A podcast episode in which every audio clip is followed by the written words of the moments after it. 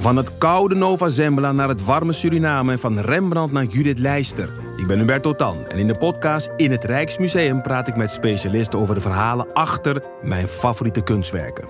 Nieuwsgierig? Beluister nu de nieuwe afleveringen. Luister jij al naar de podcast Co en Zo? Ik ben Rick Paul van Mulligen. Ik ben Nina de Lacroix. En samen met jouw man René voeden wij twee kinderen op in twee huizen. Co-ouderschap. We hebben het over alles wat je daarin tegenkomt.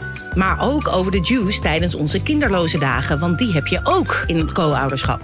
Een podcast voor alle ouders in alle vormen, maar ook voor alle mensen zonder kinderen. Zijn we eerlijk, heerlijk herkenbaar. Dus luister naar Co en Zo in je favoriete podcast-app.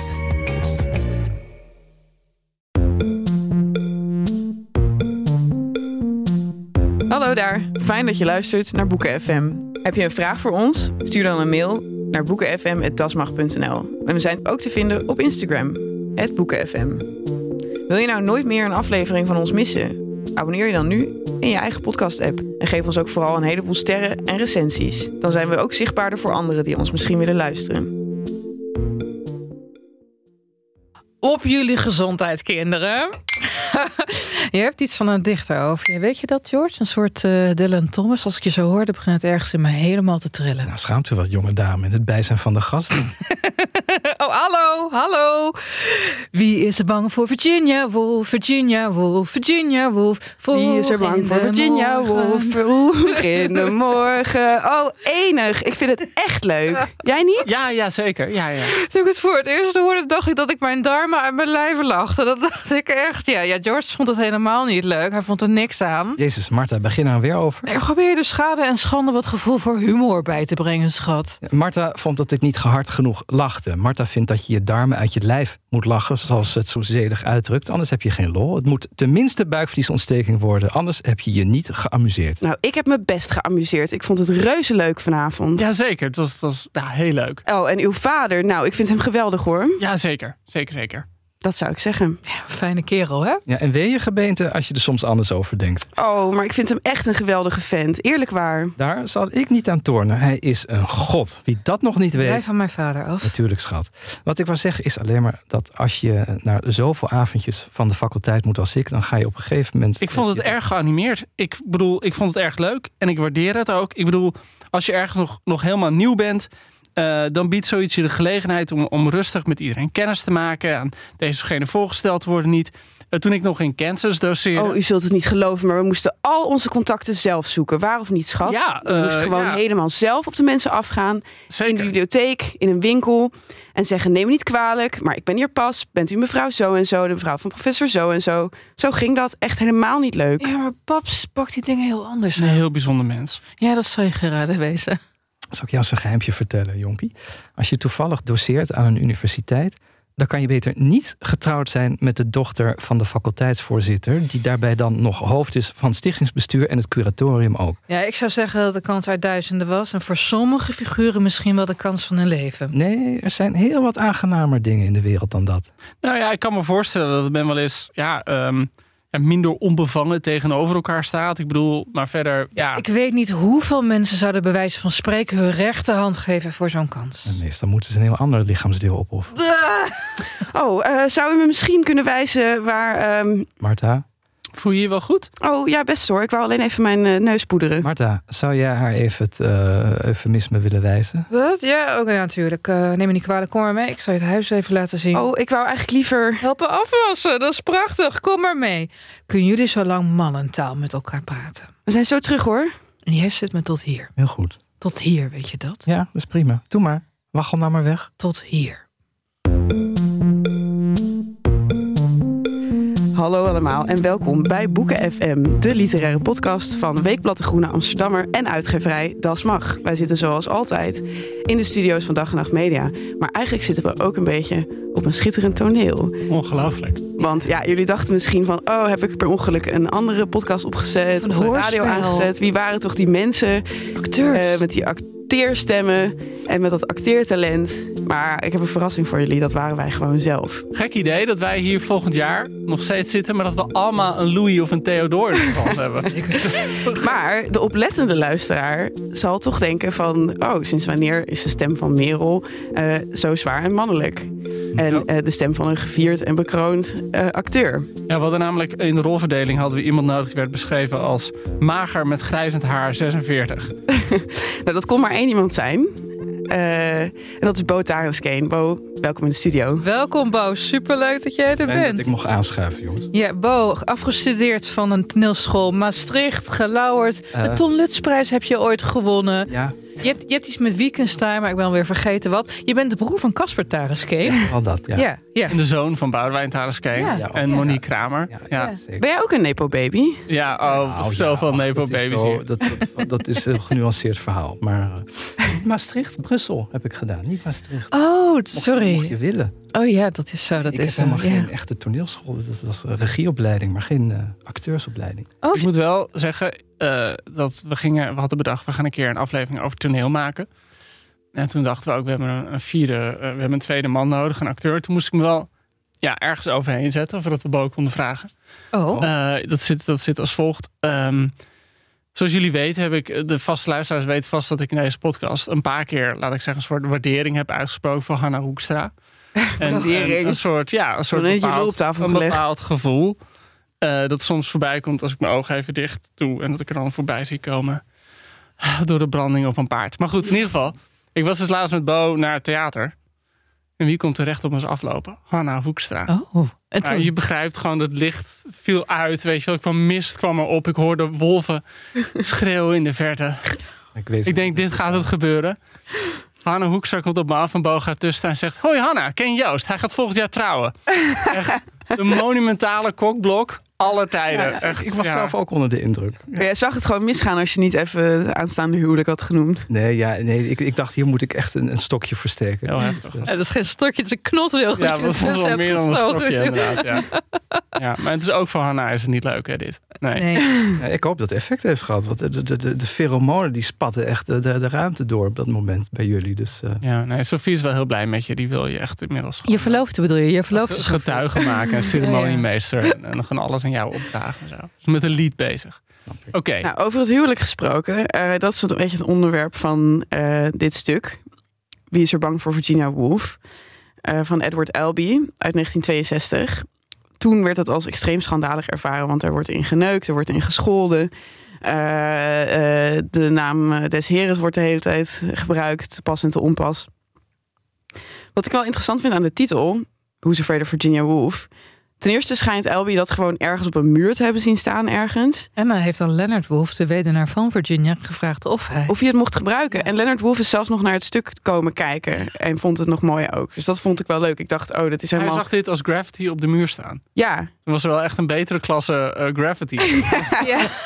nu, ik lees alleen maar kut en lul bij mij Ja, op de ja. muur. nou ja, hij was wel toen het stuk al aan het schrijven. En hij dacht, oh, dit is wel een beetje het soort semi-intellectuele grapje... dat dan na een faculteitsborrel gemaakt zou worden. bij dit milieu hoort. Ja. Ja, in dit milieu, zeg maar.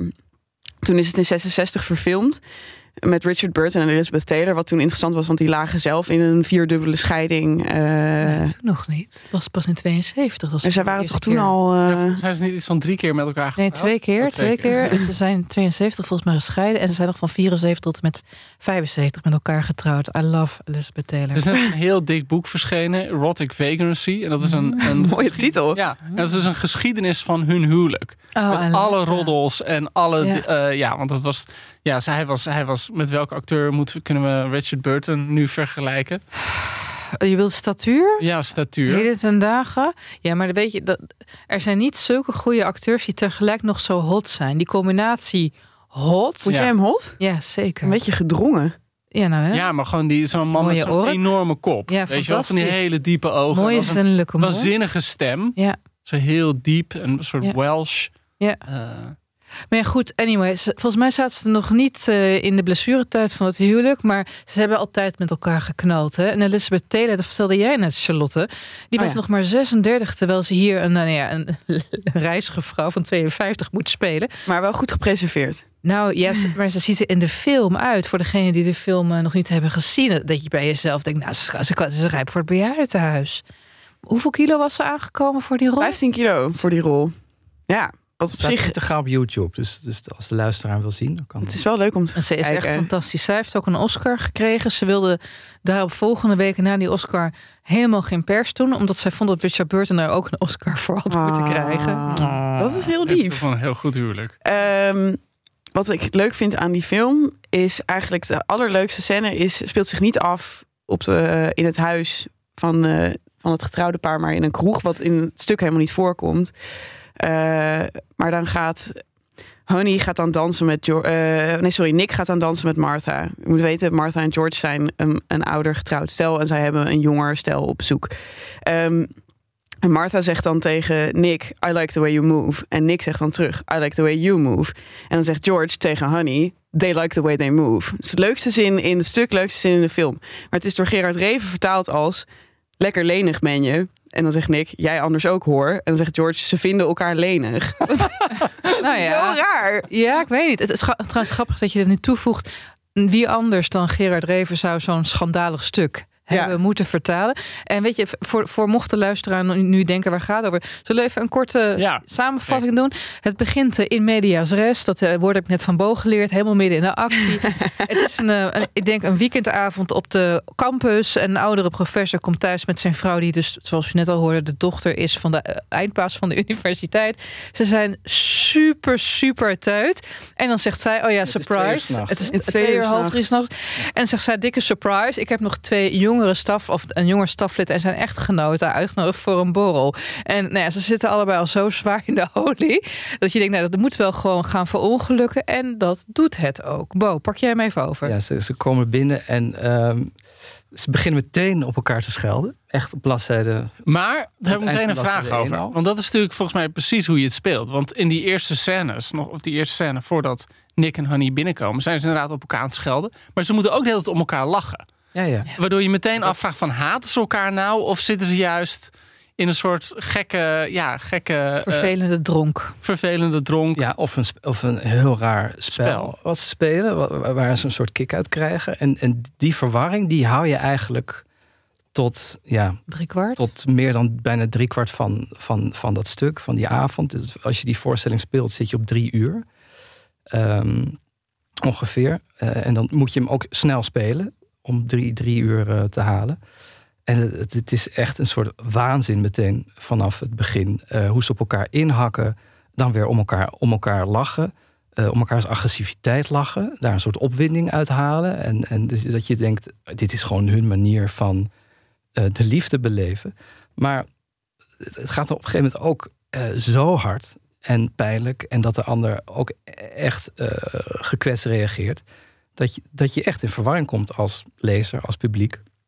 Wat gebeurt hier? Ehm, op een gegeven moment komen die twee jonge mensen eh, binnen. Dan is het half drie.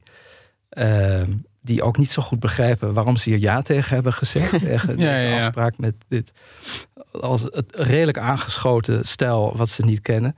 Hoger in de hiërarchie dan zij. Dus het is Ja. ook een hele scheve machtsbalans, waardoor het extra gênant wordt. Het moest duidelijk van Belangrijk Honey, om want ja zij wil, zij wil de juiste contacten hebben. Dus Nick zegt bij het binnenkomen al van... oké, we hadden dit niet moeten doen. Ja, stom. Ehm, maar Honey die wil het gewoon heel graag... Ja, zij wil connecties hebben in die nieuwe plek waar ze zijn komen wonen. En zij, hoe oud zijn zij? Eh, In de 26? eh, En- en 26 en 28. Ja, is echt net, eh, net nieuw. En die eh, nog vrij bleu en, en, en, en braaf en beleefd komen ze binnen. Maar die worden eigenlijk al vrij snel meegezogen in, in dat gif van eh, George en Martha. Eh, in het begin heeft Nick, die jongen, iets van... nou, ik vind het een beetje gênant. Ja, ik weet niet waar jullie hier mee bezig zijn, maar ik kan dit moeilijk lezen. Ja, zegt hij ook bijna letterlijk. En dan, dan wimpelt George het weg van, nou joh, niet, niet zoveel waar dan echt. Dit is gewoon onze manier van met elkaar eh, lolletjes maken. Dus die, die maakt het meteen klein. Maar toch wordt het, het, het loopt met enorm uit de hand. En die jonge mensen worden enorm meegenomen ook. Die gaan ongelooflijk zuipen. Net als George en Ik zat me echt te denken van, zou wel eens een toneelgroep het geprobeerd hebben te spelen en echt de alcoholinname bij te houden? Het is niet te doen. Het is niet te doen. En je hebt, je hebt ook heel veel medelijden met Nick. Dat gewoon George de hele tijd hem zegt van... ik schenk je even bij. Wil je nog een drankje? En dan zegt hij, ik heb nog. Zegt hij, nee, ik schenk je even bij. Ja. Dus hij, Ja. dus hij wordt ook echt dronken. Nou, die brave wel- Honey die gaat gewoon tot, ti- tot echt tien keer toe over de nek in dit stuk. Ja, Zij gaat de de hele hele tijd weg en valt in slaap op de wc. En, eh, eh, Dat is toch normaal, Charlotte? nou ja, we hebben het allemaal wel meegemaakt, maar liever niet bij collega's thuis, toch? Het is wel een paar keer gedaan. Toneelgroepen die echt eh, eh, alcohol dronken op scène. Barreland, die schonk eh, en dronk eh, wodka. Als een stuk van één acte van Tsjechov speelde. Warme Winkel heeft ooit ehm, Moskou op sterk water gedaan. Waarbij eh, die roman als monoloog. En dan dronk die acteur gewoon tijdens het spelen van die tekst heel veel wodka. En dat werd op een gegeven moment, ja, dat werd dan deel van de performance. Dat je een acteur helemaal zag En, wat, en jij als regisseur, zou jij dat, wat vind jij daarvan? Nou, ik heb het één keer meegemaakt bij het Barreland, waarbij eh, zo'n één acte van Tsjechov.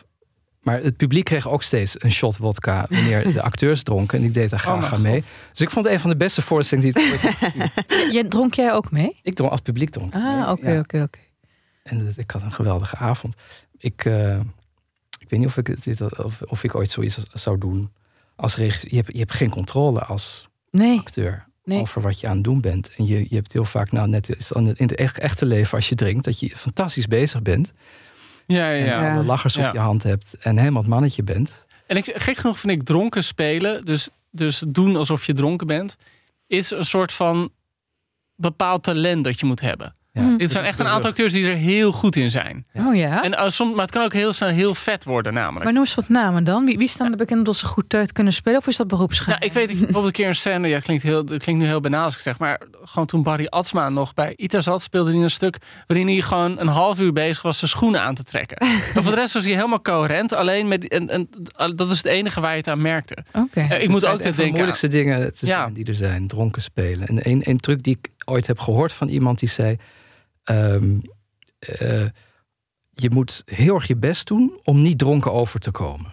Ja, oh, wat goed. Oh, ja. En dan Ja. kom je heel erg dronken over. Ik moet ook, bijvoorbeeld, eh, die ik altijd heel goed vond, was John Hamm in Mad Men. Die had Oh, ja. vaak alleen dat één zo'n pluk zo scheef zat. Ja. Maar dan zag je die pluk zo zitten en dacht je, oh nee, dit, dit gaat verkeerd. Hij had zo'n manier om zijn ogen heel wijd open te sperren in een poging om er wakker uit te zien.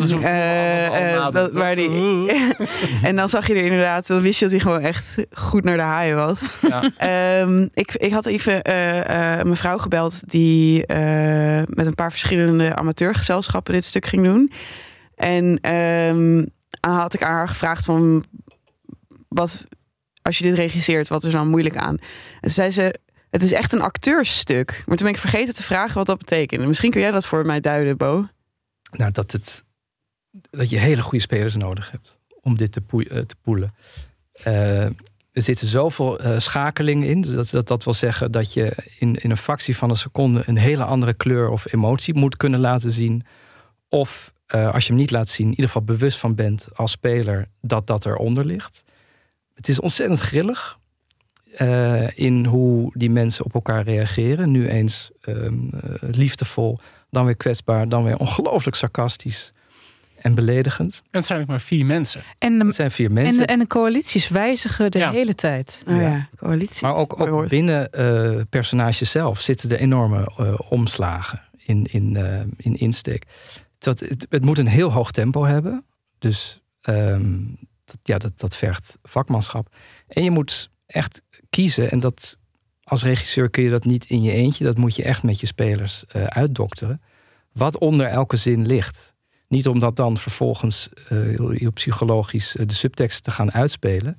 Maar je moet je er bewust van zijn als speler. Hmm. Vervolgens kun je pagina's lang alles op dezelfde manier, intonatie, tempo, ritme zeggen. Maar je moet wel bewust zijn van elke zin wat eronder ligt. Is dit een van de Mount Everests qua stukken voor acteurs om te spelen? Nou, als je ziet wie het allemaal gedaan hebben eh, in Nederland, Mhm. dan zijn dat wel echt. ehm, d- De top. Want op dit moment Ja. wordt het gespeeld, toch? ja, het is wel grappig. Cobra theaterproducties, die heten hiervoor anders. Ehm, die spelen het al jaren om de vijf jaar. Dat ze een regisseur inhuren en spelers. Ehm, Dus om de vijf jaar kun je naar een nieuwe Wie is er bang voor Virginia Woolf. Wat ik een geweldige traditie vind. Want Als we nu echt waanzinnig professioneel waren geweest, hadden we hun nu Cobra Theaterproductie integraal. dik veel geld laten betalen om deze podcast te Ja, maken. wij steunen de Maar We doen het weer allemaal uit liefde. Ja. Verdomme. En- En Bo, wat zou jouw droomkast zijn van dit stuk, Ja? oh, daar heb ik helemaal niet over om te regisseren? nagedacht. Heb ik helemaal niet. Daar ga ik je zo antwoord op geven, oké? Top. Dan heb ik intussen nog een leuke ver- eh, vertaalfout die ik ontdekte in de vertaling van Gerard Reven. Love hem natuurlijk, maar hij was niet per se heel goed in Engels. Hij heeft ook een keer een roman in het Engels geschreven die niet super goed was. Ja. Ehm, ship walked fast. eh, En hij heeft, dus op een gegeven moment is er een grapje dat steeds terugkomt. Is Martha eh, maakt steeds een grapje ten koste van George over zijn iets eenvoudiger komaf dan zij heeft. En dat hij ooit een keer aan een bar heeft die Burgin besteld in plaats van bourbon, omdat hij niet wist wat bourbon was. Dus hij praatte gewoon iemand na. Nou, daar pest zij hem de hele tijd mee. En Gerard Reven wist zo niet wat hij daarmee aan moest dat hij het boerenwhisky heeft genoemd. Waardoor de Oh. grap helemaal verdwijnt. Eh, Oh, dus, hij, ja. dus hij Maar hij is daar toen ook op aangesproken dat hij zich toch wel erg veel vrijheid eh, op eh, permitteerde en ook er dingen bij verzon zelfs. en zijn repliek was toen eh, officieel, ja, maar het had er kunnen staan. Wat heel raar is, want LB en, en zijn erven die zijn ongelooflijk hysterisch op de correcte naleving van het stuk. Dat het absoluut zo gespeeld wordt zoals het er staat. Mannen, door, eh, mannen rollen door mannen, vrouwen rollen door vrouwen. Ehm, die zijn daar heel erg ehm, eh, streng op. Mhm. Dus het is heel grappig dat deze vertaling eh, van Reven eh, ja, door die ballotage is gekomen. Want die wijkt op veel punten best af van wat Elby zelf geschreven heeft. Ja, er is ook heel gek iets weggelaten waarvan ik gewoon niet begreep waarom hij dat heeft weggelaten. Op een gegeven moment zegt, moet George ijs halen en dan komt hij terug met ijs en dan zegt hij eh, ice to the lamps of China. Wat een grapje is op de uitdrukking oil to the lamps of China. Wat een film uit de jaren 30 was. Ehm, dus hij zegt het gewoon, het is een beetje een nonsens ding dat hij zegt. En dan zegt hij er achteraan voor de grap en Manchurije. En dan heeft hij Manchurije heeft hij er in de Nederlandse vertaling uitgelaten. Why? Alsof Ja. Nederlanders niet weten wat Manchurije is. is live aan het redigeren dus. Eh, ja, dat is echt een beetje gek. Maar eh, heel veel nog los naar het plot, hè? want Ja. daar zijn we alweer heerlijk homerisch van aan het afwijken. Ehm, op een gegeven moment escaleert de boel een klein beetje heel erg. De escalatievogel komt binnenvliegen. De escalatievogel komt binnen en het doet overal een klinkt hij zo? Ik heb me altijd afgevraagd. Ja, ik dacht dat hij meer, meer loeide of zo. werd. Ik weet niet. Kwak. Ehm, en dan blijkt op een gegeven moment ook dat dit echtpaar de, eh, een soort in hun eigen fantasiewereldje leeft. Moeten we dat nog gaan spoilen? Nou, ja, Nou, wel het stuk iets- is echt fucking oud. Dat mag toch Nou wel? ja, je merkte bijvoorbeeld meteen dat, dat eh, zoals jij al zei, er ontstaan coalities. En eh, zoals je altijd met een, als je met een kwartet zit, dan ben je opeens met twee duo's. Op een gegeven moment staat George met Nick te praten. En die begint wel een heel verhaal te vertellen. Over een klasgenootje van hem, wiens moeder hij doodgereden heeft. En Nick vertelt hem op zijn beurt een verhaal over eh, een zwangerschap van, van Honey. Honey. Eh, en dan Een schijnzwangerschap. een ja, een hysterische eh, zwangerschap eh, wordt het dan genoemd, hysterical pregnancy. In het, waardoor ze eigenlijk met elkaar getrouwd zijn nog niet, alsof hier een beetje ingeluisterd. Maar goed, ze, ze zijn openhartig bij elkaar. Volgens komt dat gezelschap met z'n vieren weer bij elkaar. En George gaat verder met verhalen vertellen. En die begint ja, die verhalen van Nick te gebruiken voor een verhaal dat zogenaamd over iemand anders gaat. Hij begint ook opeens een verhaal eh, dat hij eerder vertelde over dat klasgenootje op een andere manier te vertellen. En opeens wordt duidelijk van deze mensen vertellen verhalen die niet per se kloppen. Ze, maken, ja, ze spelen een spel. Mhm. En dan is de grote woede uiteindelijk, want dan blijkt uiteindelijk dat zij hebben samen een verhaal, een, een, een imaginary kind. En ehm, met als enige afspraak dat ze het nooit tegen een andere het erover zouden hebben. Nou, dat doet Martha. En als straf zegt George, ja, maar het kind is dood. Ja, Dat was, niet, dat was niet afgesproken. Ja. Dus Ja, het is helemaal, helemaal in het begin zegt hij tegen haar van... Nou, als die gasten van jou komen, eh, begin niet over dat kind. Nee. En je denkt dan de hele tijd dat het over een echt kind gaat. Maar Ja. gaandeweg kom je er eigenlijk tegelijk met Nick en Honey achter... dat dat niet een echt kind is. Er zijn heet het van dit soort spelletjes bezig. En dit is inderdaad een soort van het belangrijkste spel. Het echte wat zij spel, ja. blijkbaar heet het in een huwelijk met elkaar spelen. Dat ze een kind hebben. En ik heb zelf als je het leest, eh, het zou ook best kunnen zijn dat het kind er echt geweest is. Ja, dat ooit. dacht ik ook, dat het misschien dood was gegaan. En dat, er zijn allerlei allusies op dat, het is, eh, eh, dat hij zichzelf heeft doodgereden of, of eh, om het leven is gekomen. En dat ze dat trauma niet eh, willen aangaan en daardoor net doen met elkaar alsof het nog leeft, maar het er nooit met de anderen over hebben, want dan, eh, ja, dan moeten ze dat weer rechtvaardigen en dat kan natuurlijk niet. ja. Dus dat is, dat is ook iets wat je, denk ik, als je het opvoert, met elkaar moet afspreken als acteurs en regisseurs. gebeurd Van, is. Ja, wat is er eigenlijk gebeurd? Ehm, hebben ze het helemaal verzonnen? Of is er echt iets gebeurd? Of, of, of zijn ze onvruchtbaar? Of heeft eh Marta ooit een miskraam gehad? Et cetera. Dat kun je allemaal. Dat moet je afspreken met elkaar. Want Op basis daarvan ga je spelen en reageren op elkaar. Honey blijkt ook de boel een beetje bij elkaar geluld te hebben, toch? Want op een gegeven moment is zij zo laveloos dat zij eh, eigenlijk toegeeft wat ze aan haar eigen man nog niet heeft toegegeven.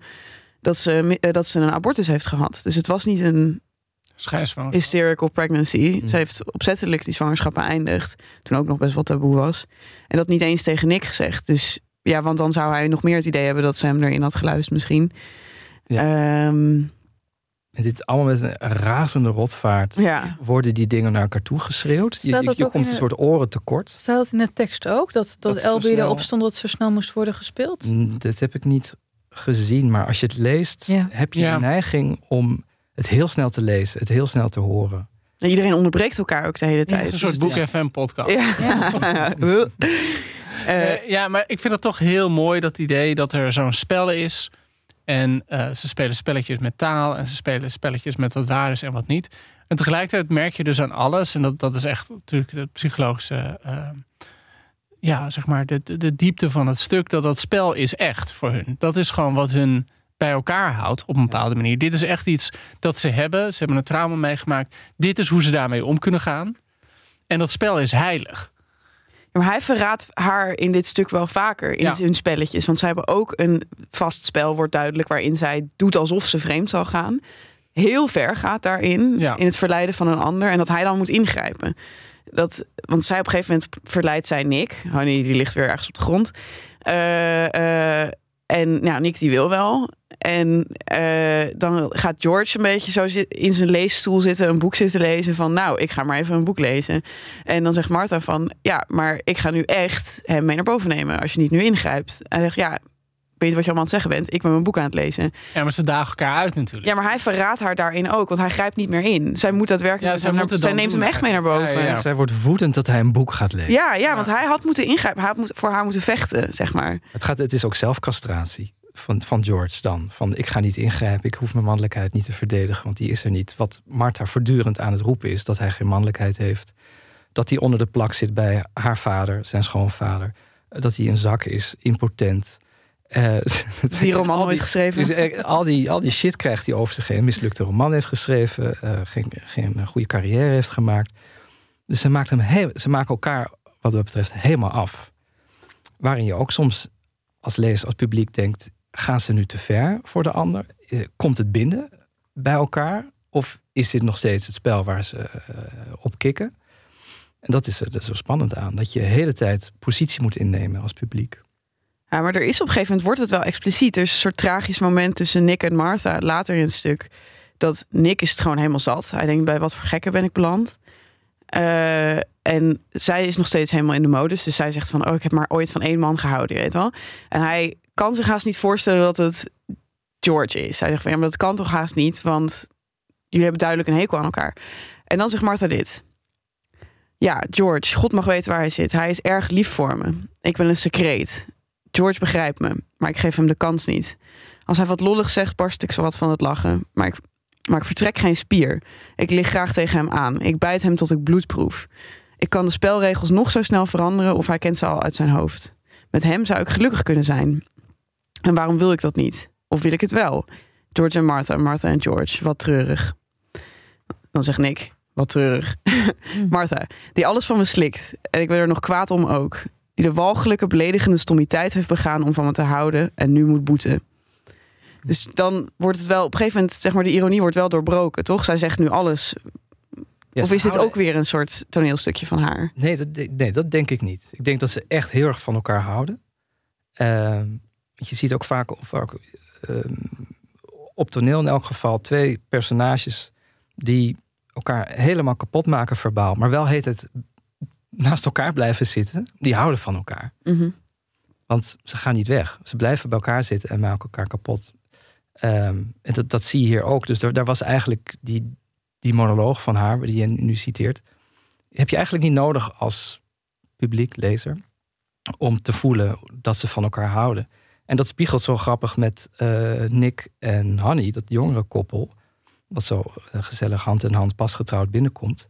Daarvan hoor je op een gegeven moment... nee, die, die eh, zijn met elkaar getrouwd... omdat eh, ze dachten dat ze zwanger was... en dat moest eh, van de omgeving. En die jonge Nick is ook wel getrouwd voor de geld. Dus, dus het blijkt opeens dat dat jonge koppel... eigenlijk in een illusie, een illusie hoog houdt. En voor de nep is getrouwd en niet van elkaar houdt. Waarbij in het begin denkt... Martha en George, dat is een en al haat. Nou ja. Dus dat, dat, dat wordt heel mooi op zijn kop gezet. Ellen, lees jij wel eens theater? Ja, vroeger meer. Eh, toen ik studeerde, heel erg veel zelfs. Eh, misschien ga je nu lachen, Bo, maar ik ben eigenlijk een zakker voor de oude Grieken. En Euripides vind ik echt fantastisch. Sophocles minder, maar eh, ja, ze hebben zo'n heel mooi gezegde over deze twee oude mannen. Dat Sophocles toont de mensen hoe ze moeten zijn en Euripides hoe ze zijn. En ja, ik vind het echt geweldig. Ik heb... ehm, veel Shakespeare gelezen, ook als kind heel veel Shakespeare gespeeld. En eh, oh, mag, ik iets liefs vertellen? Hè? Eh, jullie kennen Njungdam misschien wel, hè? ja. Schrijfster van Duizend Vrouwen, onder andere actrice ook. We hebben samen... Dertigers. Ja, uit dertigers, ja. Dertigers, ja. En wij hebben samen gestudeerd. We waren toen ook vriendinnetjes. En wat onze hobby was, was om vrijdagavond gingen we gewoon een Shakespeare-tekst met elkaar spelen in de woonkamer. was gewoon zo ontzettend zoet. Dus ja, ik Ik heb heb veel drugs op of Nee, weet je, Charlotte, het fijne is, als je intergenerationeel trauma in de familie hebt, hebben we allebei, dan heb je dat niet nodig. Dan, dan staat je hele systeem altijd zo al op alarm. Dus wij waren gewoon het lekker Hamlet aan het naspelen en zo. en dan wie was jij dan in Hamlet? Ik was Hamlet zelf en Jung was de geest van Hamlets vader. Ja, het, het, het, het, Freudiaans, het ging er helemaal doorheen. En ehm, als kind heb ik ook nog... Mijn moeder studeerde Nederlands en die moest toen stukken spelen uit De Koning Sterft van UNESCO.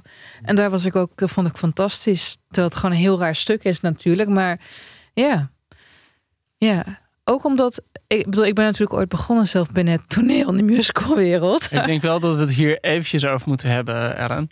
Ja, Heel eventjes. Hebben we dit nog nooit gehad in de podcast? Volgens mij hebben we, dit, hebben we dit wel eens besproken in de podcast. Dit heb je nooit verteld. Ik heb je ooit geregisseerd, maar Ja. dit heb je toen niet verteld. Ik ben op mijn 60 gekast in Joop van de Ende musical. Echt waar, Les Miserables. Mijn eerste, eh, Joop van de Ende was mijn eerste werkgever. Ik, op mijn achtste debuteerde ik in Carré.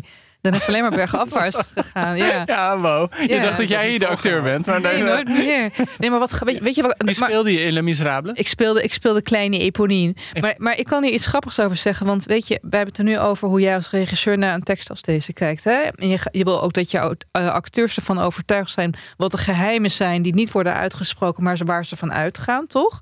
Dus je bent heel erg ook met de makers aan het discussiëren over hoe brengen we dit.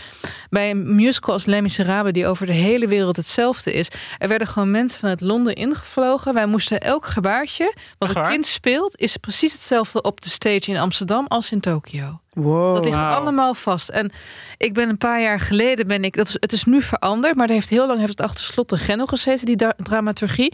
Ik ben een paar jaar geleden ben ik naar Les Mis op West End geweest. Ja. Ik kon alles voorspellen. Ook de choreografie, alles precies hetzelfde. Met de meest recente versie uit 2023 eh, hebben ze alles losgelaten, wat ik dan weer echt heel erg leuk vond. Maar ik, ik, ben, dus, ik ben dus echt gedrild. dus geen creatieve input, jongens. Wat grappig. Goede basis. Hoe ben je eigenlijk begonnen, Bo? Hoe ik ben begonnen met ja, toneel. niet als mens, maar met toneel. Jee. Als twee Eh, mensen heel veel van elkaar houden. Of, of, een, of een beetje aangeschoten zijn. Eh, ja, even kijken. Mijn der- dertiende jeugdtheaterschool. En toen, eh, ik kende theater natuurlijk ook via mijn ouders. Maar de jeugdtheaterschool. eh, en op een gegeven moment eh, wist ik op mijn zeventiende wel dat, eh, dat, dat ik eh, stukken wilde schrijven en maken. En, en ook spelen zelf. Heb je ook, heb je ook bij alle toneelscholen geauditeerd? Nee, ik heb.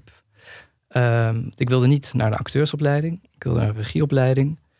Ehm, in, ik heb het in Amsterdam geprobeerd, maar daar, daar zat toen een eh, d- daar woei toen een vrij conservatieve wind. En ik merkte in mijn derde eh, auditieronde begon ik eh, een soort van ruzie te maken met de artistiek leider. Eh, en tijdens de ruzie dacht ik, volgens mij moet ik hier niet naartoe. En toen ben ik naar Brussel gegaan. Ik wist niet eens dat het bestond. Iemand had me erop gewezen, maar er zit hele... Brussel? Ja, dat is de hoofdstad van België. Ja, het, het is gewoon een stad. In West-Europa. Nee, dat, dat ze daar een, een regieopleiding hadden. Eh, de- de- de- die, die zat, nou, je moet regieopleiding Amsterdam. Dat is een enorm gebouw met airconditioning. En elk lokaal een piano. En, en, en, en, en Ik vind het mooi dat airconditioning het detail is. Nou ja, wacht. Zo van, jongens, In Brussel hadden we les in een eh, gekraakte bierbrouwerij. Eh, Waar je in, het win- in de winter te koud was om les te krijgen. En in de zomer te heet. En eh, de, nou ja, het was helemaal niks. Maar wel een hele leuke les. En eh nou ja, de rest is history, toch? Of niet? 2009 afgestudeerd daar. En eh, aan de bak gegaan. en jij bent regisseur geweest. Charlotte. Ja, je midden. zeggen, honey. Thanks, Nick. Ik heb eh, op de middelbare school heb ik een eerste klasproductie geregisseerd. Namelijk, ik had een musical versie van Mathilda gemaakt. Maar die, was, die bestond ook al. Maar dat, daar mocht, die mochten wij niet aankopen natuurlijk. Dus wij hebben toen een jukebox musical van eh Mathilda gemaakt. Dat is een musical met andere liedjes erin. Eh, liedjes die al bestaan. Dus niet oorspronkelijke musical nummers. Maar gewoon, we hadden Another Brick in the Wall hadden we erin zitten bijvoorbeeld. Dat is Was je, vond je dat leuk om dan iedereen precies te zeggen wat ze moesten Nee, het was nagenoeg onmogelijk. Die kinderen waren allemaal 12. En Jij ook toch? eh, ik was 17. Oh ja. En eh, zij hadden allemaal dingen die ik niet had toen ik 12 was. Dus Snapchat was er toen net. En toen hadden, was er bijvoorbeeld een heel drama waarbij eh een meisje dan een ander meisje in de kleedkamer op Snapchat had gezet. En dat dan weer naar de andere mensen had gestuurd. En dan moest ik dat soort. Ik was vooral daarmee bezig. Oh mijn god. Heel weinig Ja. tijd Ja. besteed aan het schrijven en regisseren van de eh, kinderen. Want ze gewoon echt pas net Maar een 12 Mensen jaar zijn. met Snapchat, dat is ook gewoon alsof je truppen atoombom geeft. Moet je gewoon niet doen. Ja, en je moest dan ook de hele tijd eh, mailen met de lieve hulpouders die 24 schooluniformpjes hadden gemaakt en Oh. dat soort dingen. Eh, en dat die dan met luizenknaapjes. Nou ja, dat, weet ik veel. Dat was, maar verder heb ik heel weinig toneelervaring. Ik, toen ik als kind heb ik op een toneelschool gezeten in Den Haag en die heette Rabarber. En toen ben ik daar na een paar weken weer afgegaan omdat er was één meisje dat mij altijd aan het pesten was met wat voor eten ik bij me had. Jezus. Wat had je bij je dan? Caviar. Roggebrood. Oh ja, gadverdamme. Neem dat dan dan, doe je het. Ja, dan doe je het. Ja, dus ik ging altijd naar Rabarber en dan was dat meisje er. Zij was echt twee keer zo groot als ik. En dan zei ze, heb je weer roggelbrood bij je? Oh nee. Oh shit, wel Adrem. Ja, Is, ja. is dit een actrice? Is dit, Zij is zou het wel gemaakt hebben, ja, ja. ik denk het wel. de En, jij, en jij, Joost? Hanne Hoekstra. Nee. Eh, nee, ja, ik, heb, eh, ik weet nog dat ik, ehm, ik deed, eh, ik zat natuurlijk in de tweede fase. En toen hadden we CKV. En toen kregen we op een gegeven moment een workshop. Van- Wacht, tweede fase, hetzelfde als box 2. Ja, dat is box 2 inderdaad. Ja. En eh, toen eh, hadden we CKV en toen kregen we een workshop theater. En toen moesten we allemaal een beetje theater doen. En ik was natuurlijk wel een stoere jongen. Maar toen kwam de afloop kwam, die, kwam de lerares naar me toe. Die zei, hey, wil jij niet bij ons auditie komen doen? En toen ben ik naar jeugdtheater Alkmaar gegaan. Toen was ik 16 of 17 of zo. En ehm, toen was... ja, ik weet nog dat er... Toen moesten we auditie doen. Waren heel veel... En toen, was ik als, en toen zeiden ze, oké, ga maar een liedje zingen. En de, voor, voor mij was één jongen, ik was als tweede. Voor me was een jongen die echt zo waanzinnig mooi kon zingen. en toen moest ik. En, toen, en toen, ging ik wel gewoon mijn best doen om te zingen. En toen dacht ik, wauw, ik sta hier nu gewoon voor een zaal, mensen die ik niet ken, te zingen. Wat moest je zingen? Ja, je moest, mocht zelf iets verzinnen om te... Maar het ging dan meer omdat je... Dan wil ik het nog liever weten Ja, nee, ja, oké. Iedereen moest. Die, voor me was een jongen en die begon gewoon. Eh, een lied uit Afrika te zingen. Weet je wel, met zo'n soort van dans erbij. En dat was gewoon. En toen dacht ik van oké, double down. Dus toen heb ik, heb ik een soort van niet ironisch uh, Sigins komt de stoomboot gezongen. En, ehm, eh, maar goed, toen eh, ben ik Kom wel erbij? En, maar toen was ik wel, ja goed, dit- nu klinkt ik weer als een douche. Maar ik weet nog dat ik daar rondliep. Nee hoor, nee, helemaal niet. Maar ik weet nog dat ik daar rondliep. En er waren zeg maar 40 mensen. Daarvan waren er 37 vrouwen. En dan drie jongens. Waarvan er twee duidelijk gay waren. En dat ik wel dacht... I have found my hunting grounds. en, eh, ja, ja. En toen heb ik, heb ik dat twee jaar gedaan. En ook door heel Noord-Holland en zo. En dat was eigenlijk gewoon superleuk. Oh, veel Ja. seks. Zoveel seks. Oh, zoveel getongen. Nee. Ehm, maar dat, dat was heel, het was heel grappig. En, eh, en leuk om te doen. En, ehm, eh, ook wel, de, en dat, dat is denk ik wel een van de hele leuke dingen die je kan zien. Eh, Merel is echt helemaal een dubbele ijssprong aan het hebben na dit nieuws. Wat? Eh, maar dat, Hey, we, Ellen. we maakten toen een toneelstuk en dat maakten we een beetje met z'n allen. Er was wel een, een eh, vrouw die het regisseerde van de ik denk, theateropleiding. En dus iedereen kwam met stukken tekst aan en dan gingen we kijken hoe die erin paste. Dus zei ik op een gegeven moment een stuk aan van Harry Mulisch. Gewoon een monoloog uit een boek. Dat je wel opeens ziet van, hé, hey, je kan een, een tekst kan je echt op twaalf manieren lezen. En Ja. dat, dat maakt het heel leuk. Dat je opeens de tekst eh, op papier, dat je ziet wat op papier staat, niks hoeft te zijn eh, wat je er niet zelf inlegt. En ik merkte zelf ook wel, nou, daar hebben wij het wel eens over gehad, dat als je fictie aan het schrijven bent, als je proza aan het schrijven bent, dat het heel fijn is als je poëzie ernaast hebt liggen. Maar het kan ook heel lekker zijn om toneel ernaast te Oh ja, absoluut. Omdat het zo Ja. snel gaat en eh, zo'n vrijheid heeft daarin ook. Ja, ja en, en, en nog iets anders trouwens. Hè. Ik heb, eh, ik heb eh, onder andere een bachelor middeleeuwenkunde. En een van, een van mijn bachelorscripties ging over een middeleeuws toneelstuk. Landsloot van Denemarken. Begin 15e eeuw verschenen. En in der tijd was het heel erg in de mode binnen de Engelse middeleeuwenkunde. Om als je een onderzoek deed naar een toneelstuk, ging je het ook opvoeren. Omdat je dan altijd nog op nieuwe ideeën kwam over teksten. Dus ik heb gewoon dat stuk met een hele club ge- eh, eh, opgevoerd. Ja, dat, Grappig. Leuk. Dat is heel grappig. Als je het leest, twee, drie keer leest, dat is niet te vergelijken wanneer je het gaat repeteren. Nee, en dan dramaturgie aan toevoegt. En, Ja, je ontdekt ook gewoon door het hardop te doen, met elkaar en elkaar te horen, hoor je zoveel nieuwe lagen en betekenissen. Ja. Ja. Ja. Nee, ik vond het ook heel leuk. Bo en ik hebben samen een keer een toneelstuk gemaakt, Kissinger. En ehm, Maar hoe dan? Eh, Speelde jij? Of, eh, nee, Bo Nee, speelde. dat wilde ik. Ik wilde dat hij Andy Warhol ging spelen. En- Ja, en en Kissinger, waarom ik dat niet gedaan heb eigenlijk. Ik heb er heel spijt van. Hoe, hoe, hoe kennen jullie elkaar eigenlijk? Ja, ik had altijd dan van die literaire optredens. Dan was Bo er altijd zo van, hé, hey, eh, mag ik je een biertje?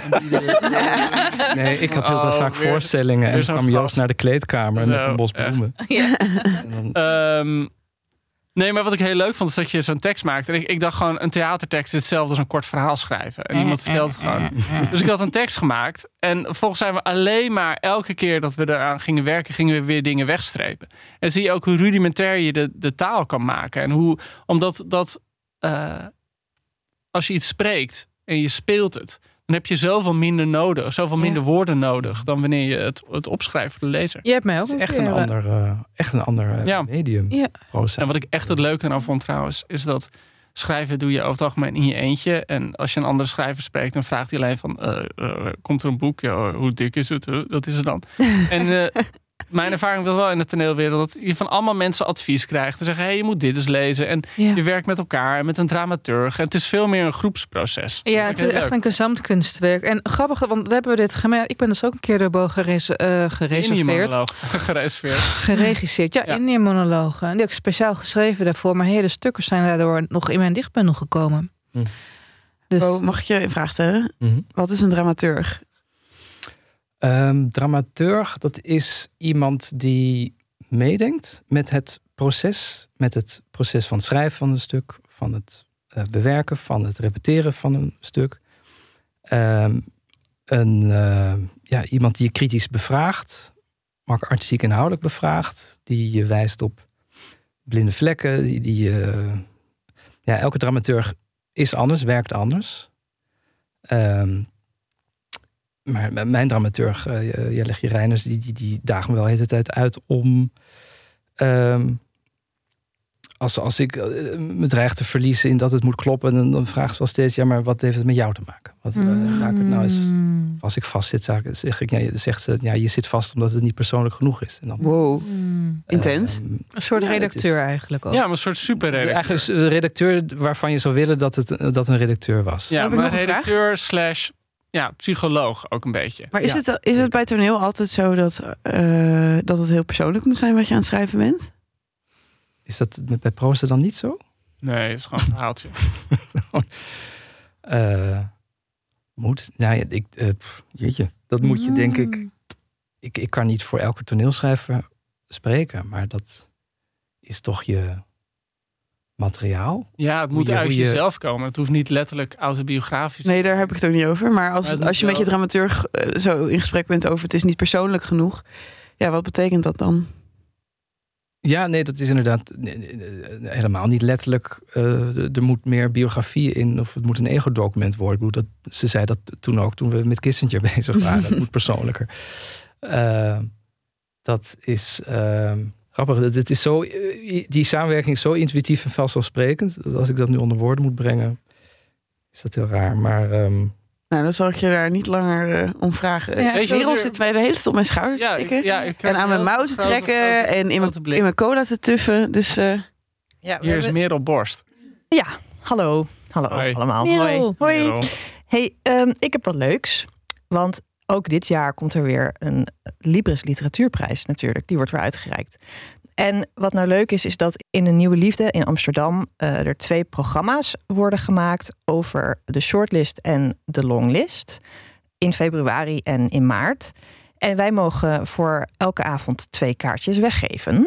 Heel spannend. Want je hebt nu denk ik... eh eergisteren, op het moment dat dit wordt live gaat... eergisteren is de longlist bekendgemaakt. Wat ik altijd zo mooi vind van Libris... is dat dan alle schrijvers die genomineerd zijn... moeten doorgeven waar ze zijn... op de dag dat de shortlist bekend wordt gemaakt. Want dan kan Nieuwsuur met draaiende camera's je verrassen. Zit je te sterven Ja, die mensen de hele dag te sterven op hun, op hun, achter hun Ja, bureau. Van ja, komen klopt, ze, komen ze niet. Dan wordt er aangebeld en dan is gewoon de postbode, weet je wel meer. Ja, de, de longlist is, is al een tijdje eh, bekend als deze aflevering Oh online sorry. komt. Maar dat maakt niet uit. Eh, 29 januari wordt die bekendgemaakt. En ehm, op 15 februari in de Nieuwe Liefde is daar dus een programma over. En daar spreken oud-winnaars Marike Heidman, Abdelkader Benali en Arnon Grunberg over eh, hoe je eigenlijk een winnend boek schrijft. Hmm, En- een, een handleiding. Ja, Nice. handleiding. Hey. eerder moeten hebben. En ze zijn ook benieuwd naar eh, wat het publiek heeft gelezen afgelopen jaar. Eh, er is ook Kim Putters, de juryvoorzitter, die een lezing geeft over de staat van de Nederlandse literatuur. Hmm. En de voormalig winnaars die ik net heb genoemd en redacteur Katrijn van Houwermeijen van De Bezige Bij worden geïnterviewd door UvA-studenten van de Master Redacteur-Editor. Nou, Nou, dat echt gezellig. leuk. En eh, het geheel wordt gepresenteerd door Daan Doesborg. Nou, nou, wat leuk. Ja. geloof. En eh, wat, wat kunnen de luisteraars met Wat deze... kunnen de luisteraars? Ik zal nog even wat praktische informatie geven, zodat je kunt bedenken van, oh, kan ik wel op deze avond? Het is dus op 15 februari van 8 tot half 10.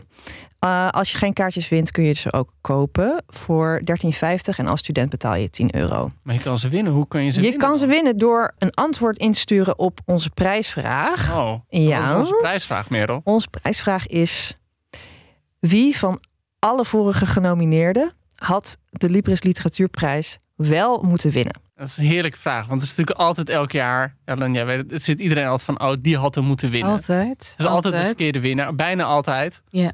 De Eh, gedroomde is nooit, is de gedoodverfde is nooit de winnaar. Ja. Ehm, Je mag er ook een kort betoog bij. Ik herhaal kort betoog Ja, bij geven waarom. Eén zin zegt Charlotte en die zin mag maximaal 50 woorden zijn. Nee hoor, je, ja. Je mag gewoon... eh, Ik, ik ben heel benieuwd. Ik ben Heb jij meteen heel een boek in gedachten? ja, Manon. Ja, Manon. Ja, vallen. eens Oh ja. vliegen. Oké, nou je weet wat je moet inzenden nu. Eh, de deadline is zondag 11 februari. En dat kan je eerst sturen naar eh boekfm.dasmag.nl of eh, via onze socials. En de winnaars krijgen eh, van ons bericht. Dus doe je best. Maar dan krijgen ze met... Sorry. Ja, ze krijgen- kom gewoon bij, bij Doe Je Best. Dan moeten ze dus wel inderdaad meteen bericht krijgen. Want anders- Wij gaan heel snel Ja, kiezen dan. oké, ja, klopt. Oké. Oké, doei.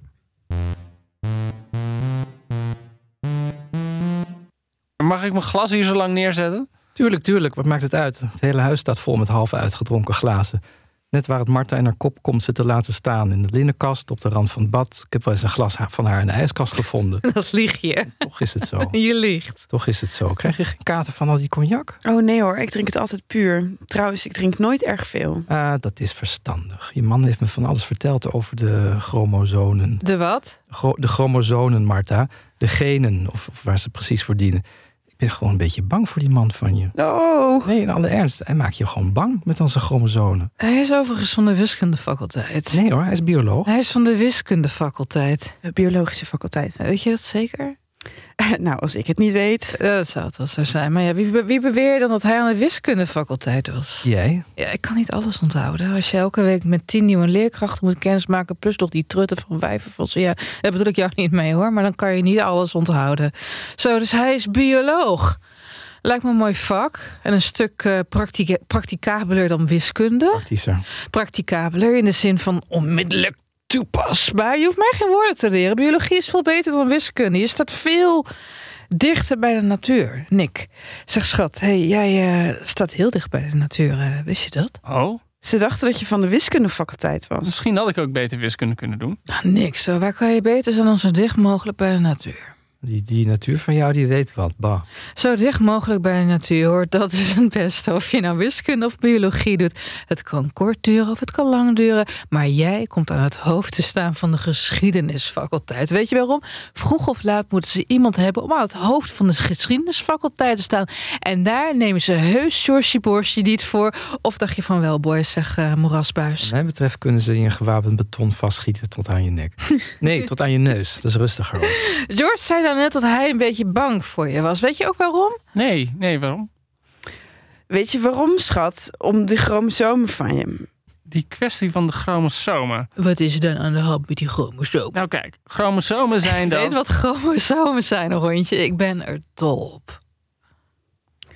Wat zo grappig is als je dit stuk leest, is dat het helemaal past in. Het is van 1962 en het past helemaal in die literatuur van toen. Ik bedoel, het is helemaal John Updike en Raymond Carver en John Cheever. Allemaal van die mensen in Mannen die een hekel aan hun vrouw hebben. Die keihard drinken en een hekel aan hun vrouw hebben. En allemaal gewoon getrouwd zijn op een bepaald moment omdat het moet.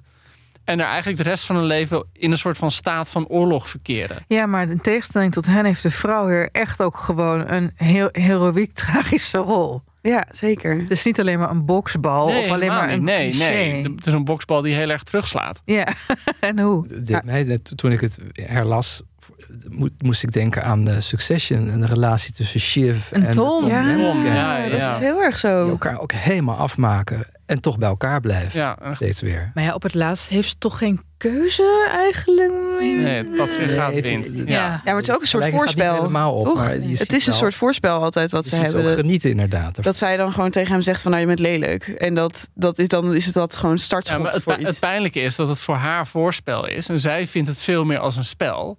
En hem zie je er langzaam kapot aan gaan. Ja, ja. Maar eh, we hebben net eventjes geraakt aan eh, nou, jullie verschillende werkvelden. Eigenlijk het schrijven van toneel en het schrijven van fictie. Hm. Misschien kunnen we jullie daar nog even over uitweiden. Wat is, wat is nou precies het verschil in aanpak? Van het schrijven ervan. ja, oh, misschien heb jij daar iets eh, over te zeggen. Mhm. Ik heb wel heel soms een, een, een- een poging gedaan tot proza. En dat, dan, dan, dan schreef ik één zin en dan dacht ik bij mezelf... ik dacht toch echt dat ik kon schrijven. Maar heb je niet ergens ook een contract ooit getekend voor een roman? Nee, nee, nee, nee. Niet, don't remember them. Nee, dus, dus, dus je kon, dus je kon echt niet Ik schrijven. moet het voorschot nog steeds terugbetalen. die, Right there with you. Nee, nee. het, is, eh, het, het is echt iets. Ik, ik heb wel poging gedaan, maar het, het is echt, echt iets heel anders, merk ik. Hoe- Ik heb veel toneel geschreven inmiddels. Ehm, en wat, wat me aantrekt van het idee van een boek schrijven, is, is dat je lang alleen bent met de taal. Dus niet gebonden aan producenten, eh, première, datum, eh, acteurs. Maar echt alleen bent. eh, met, dat, dat, dat, klinkt heel autonoom en, prettig. Maar ehm, Nee, ik merk wel, het is echt een heel ander. Maar wat jij ook had, Joost, dat je merkt dat het echt een heel andere manier van schrijven en denken is. Ja, en het is, het is aan de ene kant, ehm, ja, wat ik, wat ik eerder zei, maar je bent uiteindelijk vrijer. En je kan veel sneller gaan. En gekke is natuurlijk ook, je kan heel veel aan de acteurs overlaten. Het moeilijke is natuurlijk ook, en dat, dat, dat, is bijna soms ook een ongelijke strijd. Want als je een, de juiste acteur hebt, of de actrice, met het juiste gezicht, die op het juiste moment een bepaalde blik dan hoeft ze niet eens iets te zeggen. Kan ze gewoon voor ze uitkijken. En iedereen snapt dan wat er gebeurt. Dat is heel moeilijk om dat in woorden, in proza, in, in alinea te vangen. En ik bedoel, je hebt natuurlijk ook heel veel, eh, eh, heel veel toneel dat echt richting het eh, poëzie gaat. ja. Je hebt volgens mij ook heel veel toneelschrijvers die ook poëzie schrijven. Peer Eerder poëzie schrijven dan, dan proza. Ja, ja, Peer Wittebos bijvoorbeeld. Hoewel het bij hem echt ook twee verschillende genres zijn. Dus zijn poëzie is veel poëtischer dat zijn toneelteksten poëtisch zijn. Je hebt ook het omgekeerd dat sommige mensen totaal niet kunnen. Hè? Je hebt Harold Pinter, prima toneelschrijver, maar de gedichten staan nergens op. Nobelprijs gewonnen. Ja, Dus kan gebeuren. Hè? Ja, en Shakespeare is natuurlijk ook op, bij Vlagen ook heel dicht bij, eh, bij poëzie. Nou ja, hij heeft natuurlijk sonnetten geschreven. Nee, hij Ja. heeft ook zo net, dat weet ik. Ja, nee, maar ik bedoel gewoon zijn Net theaterteksten. Als een tekst is. Oh, ja. Ja, zitten er soms ook Ja. heel dichtbij. Nou, je maakt natuurlijk gebruik van universele stelmiddelen als het om die taal gaat. Maar ja, de een. Heb jij dat wel eens met dat, dat, dat, dat die roman die jij wilde schrijven, Bo, je had waarschijnlijk een idee, een ingang. En heb je uiteindelijk dat idee toch nog laten eh, terechtkomen in een toneelstuk? Nee, nee, nee. Het- het- ik, ik laat het ook nog steeds rijpen. Ik laat het een paar jaar rijpen. Maar eh, Het kan, hè? want, eh, Op de Beek is Oh, bijvoorbeeld dramaturg geweest. Met van die Wat? Ik denk wel van zo een boek, een boek laten rijpen is wel een beetje zoals wanneer je de afwas doet en je een pan even laat staan met water erin. Ja, ja. Je weet wel zo van. ik denk meer aan kombucha. Ik heb ooit kombucha heel lang. Een fermentatieproces. Maar de. Nee, het is. eh, eh, Vertel ons meer over je fermentatieprocessen. De luisteraar wil het weten. Nee, ik ben even de draad kwijt. Waar hadden we het over? Nou, de, die roman die je nog gaat schrijven, ik vroeg hem, ga je die, eh, heb je besloten om er dan in plaats van, van een roman maar een toneelstuk van te maken? En jij zegt, het is mijn Edammer kaas. Hij ligt, ligt ergens op een schelf te rijpen en ooit over een aantal decennia komt er misschien toch een kaftje omheen. Ja, eerder, eerder dat, dat laatste. Maar het, is echt zo. ehm, het, het, het, het medium bepaalt ook heel erg eh, het onderwerp, heb ik het idee. Dus, Kan je daar wat meer over zeggen? Dat vind ik, dat vind ik interessant. Nou, eh, het, het, het verschil tussen een, een verhaal en een, iemand die spreekt. eh, dat is wel, je hebt natuurlijk een romans, dat is iemand die spreekt, die aan het woord is. Ik, ik denk aan eh, Imre Kertész, Kadish voor niet geboren Oh, kind. ja, dat is het eerste waar, ik- waar ik nu aan moet denken. Dat is één monoloog eigenlijk. En zo heb je nog wel meer. Catcher in the Rye. Ja, dat, dat, zijn, dat is een, echt een stem die je hoort. Ehm, dus je hebt, je hebt zeker, denk ik, wat dat betreft, theatrale romans. Die, voor, mij, de kern tussen. Het, het- verschil tussen proza en, en, en toneel is dat er bij het theatrale heel van de fantasie van het publiek eh, wordt overgelaten. Met, Hmm. met vrij weinig textuele middelen. Eh, ik weet niet of dat een Ja, het is wel- belediging is. Ja, voor, dat is het eh, eigenlijk wel, ja, Bo. Maar we vergeven het je. Kijk, maar wat je bij, bij, bij, bij literatuur, bij proza bedoel ik dan, heb je, heb, heb je ook te maken met de dingen die je echt niet zegt. Je bent telkens je, je, bent telkens je lezer aan een bepaalde richting aan het nutchen en gaslighten. Waardoor, terwijl je aan het einde veel romanciers doen dat dan gewoon het hele tapijt onder hen vandaan van tada. En dan zie je de kelder met de kinderskeletten erin. mhm. Of iets anders. Maar oké, ik ga nu misschien iets zeggen dat dan weer heiligschennis is eh, in jouw vakgebied. Maar ik, ik vind toneel eigenlijk leuker om te lezen dan om te zien. Ik heb soms het idee dat de acteurs eh, in de weg staan van de tekst. Eh, omdat zij ook hun eigen hele ding moeten doen met bewegingen en, en, en, en gezichtsuitdrukkingen en, en hun aanwezigheid op het podium. Dat een tekst waar ik enorm om zou moeten lachen als ik hem voor me had, eh, eh, doodvalt in de mond van een acteur. En dat- ja, dan heb ik het misschien niet over iedere acteur, maar soms dan, soms dan ben ik bij een toneelstuk en denk ik, oh, ik wou dat ik dit thuis aan het lezen was. Is dat raar? Of dat raar is? Nee, maar ik was laatst naar, heel, heel banaal voorbeeld hoor, maar ik was laatst naar eh, Harry Potter and the Cursed Child Oh ja, in. Londen. En toen dacht ik wel, ik bedoel, het was heel leuk gedaan en heel inventief en, en dynamisch. Ik heb me geen seconde verveeld. Maar ik dacht wel de hele tijd, ik wou dat dit gewoon een boek was. Maar dat is het ook, hè? Ik Ja, nee, als gekocht en toneeltekst. Nee, maar ik Ja. bedoel, oké. Je zou willen dat het gewoon Ah, tot roman was ja, een gemaakt. proza. Maar ik, Ja. Als het lezen van een roman een, een, eh, per- ja, een hele persoonlijke eh, verwikkeling is tussen de lezer en de auteur, twee mensen, dan heb ik het idee dat als er dan mensen tussen staan die het moeten spelen voor je, dat dat een soort telefoontje spelen is, zeg maar. Wat, wat ik vaak hoor van mensen die dan naar het toneel gaan, ehm, die denken dan dat dat toneel is. Terwijl, niet, niet dat jij dat nu zegt, Nee, maar dat hoor ik vaak. zou kunnen. En ehm, terwijl elke groep, elk gezelschap, elk collectief, elke regisseur, elke, elke speler is anders. Dus je, je hebt heel veel groepen die juist ehm, ja, heel weinig invullen wat betreft psychologie, ehm, emoties in de tekst, waardoor jij als publiek moet zoeken naar wat er speelt en wat het verhaal eh, daarachter is. Ehm, en als ik jou zo hoor, dan denk ik, ja, moet je eens naar dat soort groepen gaan. En dan kom je denk ik wel aan je, aan je trekken. Ja, bijvoorbeeld wellicht. noemen wat voor gezelschappen, waar doe je op? Ja, dat zijn de Oostpol. Nee, eh, het Barreland bijvoorbeeld. eh Dood Paard. Dus een beetje de, de, de theatercollectieven in de traditie van Discordia. Die, die hebben een bepaald soort eh, tekstinterpretatie. Die heel van de verbeelding overlaat. En, en bepaalde insteek heeft, waardoor je als publiek ja, veel meer eh, betrokken wordt. Oké, dat is echt heel interessant. Ik, ik kan echt, het verschil tussen dag, dag en nacht kan dat zijn. Wie, wie een tekst Mooi shout-out meteen. Naar de studio. Ja. Eh, Sorry. Ik had hem nu pas door. Bo, ehm, wat als je een briljant stuk hebt geschreven eh, en Stel. iets wat jij eh, om de haverklap meemaakt natuurlijk. eh, en je kunt daar niet een acteur bij vinden. Althans, het is gewoon, ja, niemand kan het doen zoals Ja. jij wilde dat het gebeurt. Daniel Day-Lewis is bezet. Ja, dan spreek ik het zelf maar. Ja, maar is er, is er ooit een soort afstand tussen droom en daad wat, wat toneel betreft? Altijd, per definitie. Het is ook als je het zelf gaat opvoeren. Er is altijd een afstand. Dus ook, maar dat, dat heb je ook, denk ik, als je proza schrijft, dat er een afstand is tussen het idee wat je hebt. En, en wanneer je dat gaat uittypen en wat je op het scherm van je laptop ziet verschijnen, Oh ja. toch weer anders is, maar wel op allerlei nieuwe ideeën eh, het, het terechtkomt daardoor. Die je niet had kunnen bedenken als je alles voor jezelf had gehouden. Dus er is altijd afstand. Ja, maar en door die afstand krijg je ook heel veel nieuwe dingen. Door, door met spelers te werken, hoor je je teksten op een manier die jij in je hoofd totaal anders hoort. Waardoor je denkt, oh, dus daar gaat het over. Of, oh, dan moet, dan moet ik dat ook nog erbij doen. Dus eh, zo, zo bouw je samen aan een gezamenlijk werk. Nou, je hebt wel, wel veel met mensen te maken. Ja. Zij ze met een vies gezicht. Bijna, bijna alsof je een podcast opneemt. Ja. Eh, moeten we dit stuk een cijfer geven? Of, Ik vind het eh, een beetje moeilijk omdat we nooit toneel doen. En dan één toneelstuk een cijfer te geven.